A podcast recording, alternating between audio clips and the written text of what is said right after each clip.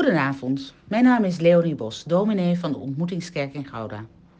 Ter bemoediging in deze onrustige tijden lees ik u elke avond de dagtekst van Tessé en een kort gebed. U kunt dit bericht delen met anderen. Vandaag is het negen maanden voor kerst en daar heeft de tekst van vandaag mee te maken. De engel zei tegen Maria, wees niet bang, Maria. God heeft je zijn gunst geschonken. Luister, je zult zwanger worden en een zoon baren en je moet hem Jezus noemen.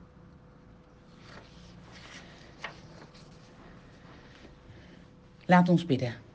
Bij uw licht, in uw ogen, zien wij onszelf, herkennen wij elkaar.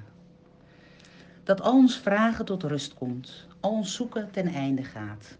Geef dat ons, uw beminde, in de slaap. Bewaak zelf, God, de vlam in mijn hart, de vonk van uw aanwezigheid. Wakker haar aan tot de nacht is gedaan en het duister is geleden. O eeuwig licht, doof niet uit onder onze twijfels. Bezwijk niet onder wat wij willen. En word niet onzichtbaar door ons ongeduld, onze korte adem en onze tranen. Sta in ons hart gebrand, dan worden wij vanuit de nacht opnieuw geboren. Amen.